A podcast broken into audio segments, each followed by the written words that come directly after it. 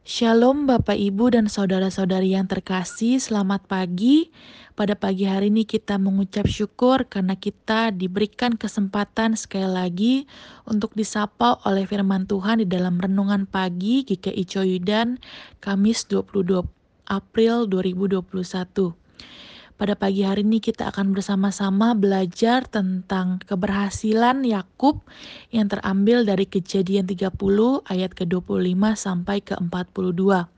Sebelum kita bersama-sama disapa kembali oleh firman Tuhan, disegarkan kembali, dikuatkan kembali, marilah kita mengambil waktu sejenak mempersiapkan diri, hati, pikiran kita memohon tuntunan dan pertolongan Roh Kudus untuk semakin mengerti firman Tuhan.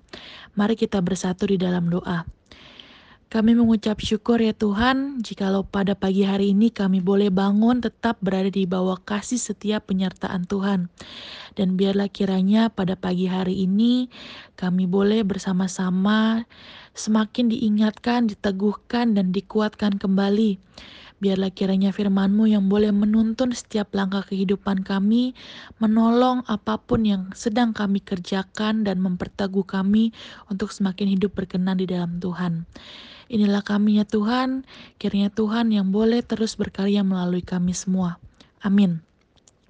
Bapak, Ibu, dan saudara-saudara yang terkasih, ketika kita berbicara tentang kehidupan yang berhasil, sukses, mendapatkan apa yang kita inginkan atau yang kita cita-citakan, hidup yang berkecukupan, sejahtera, terjamin, kira-kira adakah orang yang tidak ingin memiliki kehidupan seperti yang baru saja disebutkan?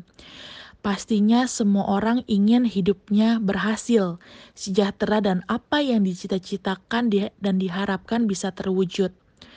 Lalu apa yang seharusnya dilakukan seseorang jika hal itu ingin terjadi dalam kehidupan kita? Berusaha pastinya, bekerja keras. Tapi apakah lantas usaha dan kerja keras saja cukup? Nah, Yakub dalam Kejadian 30 ayat ke-25 sampai ke-42 menjawab pertanyaan kita semua melalui kisahnya. Bahwa segala upaya harus berdasar di dalam Tuhan yang mencurahkan berkat itu sendiri.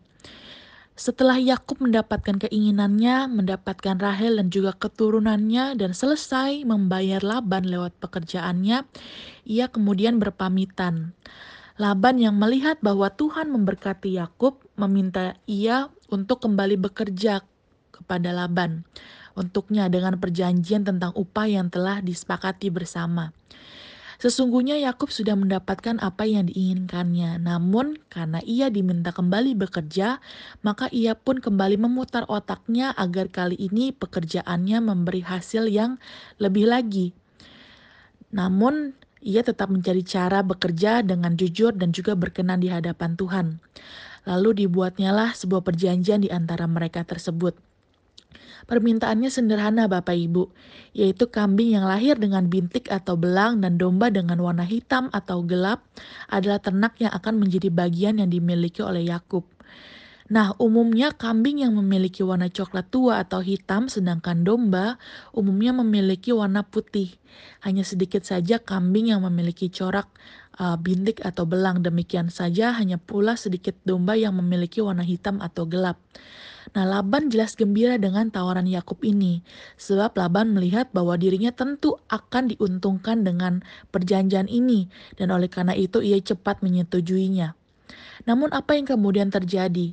Pekerjaan dan usaha yang dilakukan oleh Yakub berhasil sehingga dikatakan harta Yakub menjadi semakin banyak. Entah itu kambing, domba, budak perempuan, budak laki-laki, unta maupun keledai.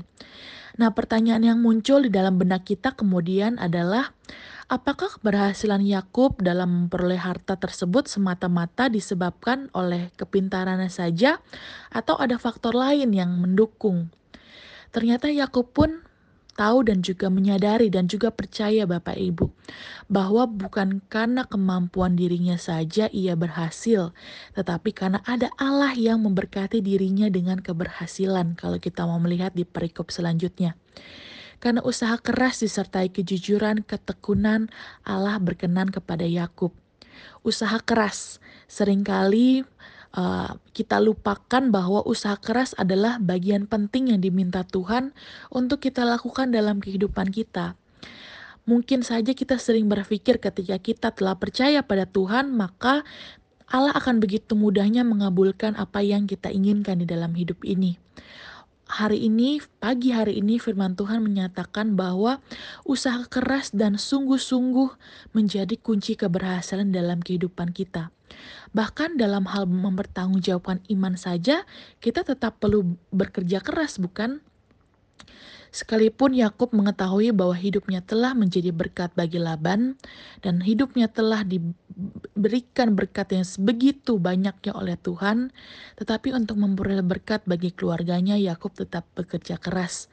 Dikatakan bahwa ia mencelupkan dahan kepada kambing-kambing yang kuat sehingga kambing-kambing itu akan mempunyai bintik-bintik dan dipisahkan dari kepemilikan yang akan menjadi milik Laban mertuanya. Dan karena kerja keras yang dilakukannya, maka firman Tuhan menyatakan berkat yang tersedia bagi Yakub tersedia begitu banyaknya.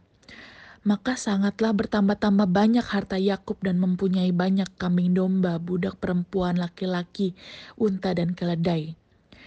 Pengalaman Yakub ini mengajarkan kepada kita bahwa kita tidak bisa hanya berpangku tangan dan berharap berkat Tuhan turun dari langit atas kita benar bahwa kita tidak perlu khawatir karena pemeliharaan Tuhan pasti diberikan kepada kita setiap hari tanpa pamrih.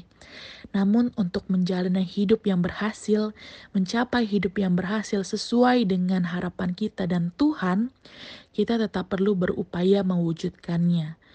Percayalah Bapak Ibu dan saudari bahwa Tuhan akan membuat berhasil setiap pekerjaan, rencana, dan harapan kita sesuai dengan rancangannya. Dan oleh karena itu, marilah kita hidup terus mengandalkan Tuhan di dalam setiap pekerjaan dan juga karya kita, apa pun yang kita lakukan. Marilah kita bersatu di dalam doa. Ya Tuhan, kiranya Tuhan berkenan atas setiap upaya, setiap usaha, setiap kerja keras dan perjuangan kami.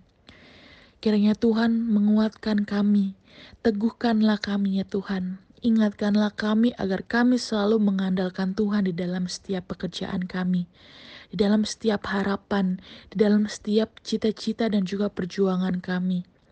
Ajarlah kami untuk selalu mengingat bahwa Tuhanlah Sang Pemilik kehidupan, Sang Pemilik dari seluruh yang ada di dalam kehidupan kami. Oleh karena itu, ajarlah kami untuk terus hidup mengandalkan Tuhan, dan biarlah kiranya Tuhan sendiri yang boleh berkenan atas seluruh kehidupan kami dan apa yang kami kerjakan. Inilah kami ya Tuhan, kami mengucap syukur dan menyerahkan seluruh kehidupan kami hanya di dalam tangan dan pertolongan Tuhan. Amin. Selamat menjalani hari Bapak Ibu dan saudara-saudari. Kiranya Tuhan yang boleh terus menolong kita semua, menguatkan kita semua. Tuhan Yesus memberkati.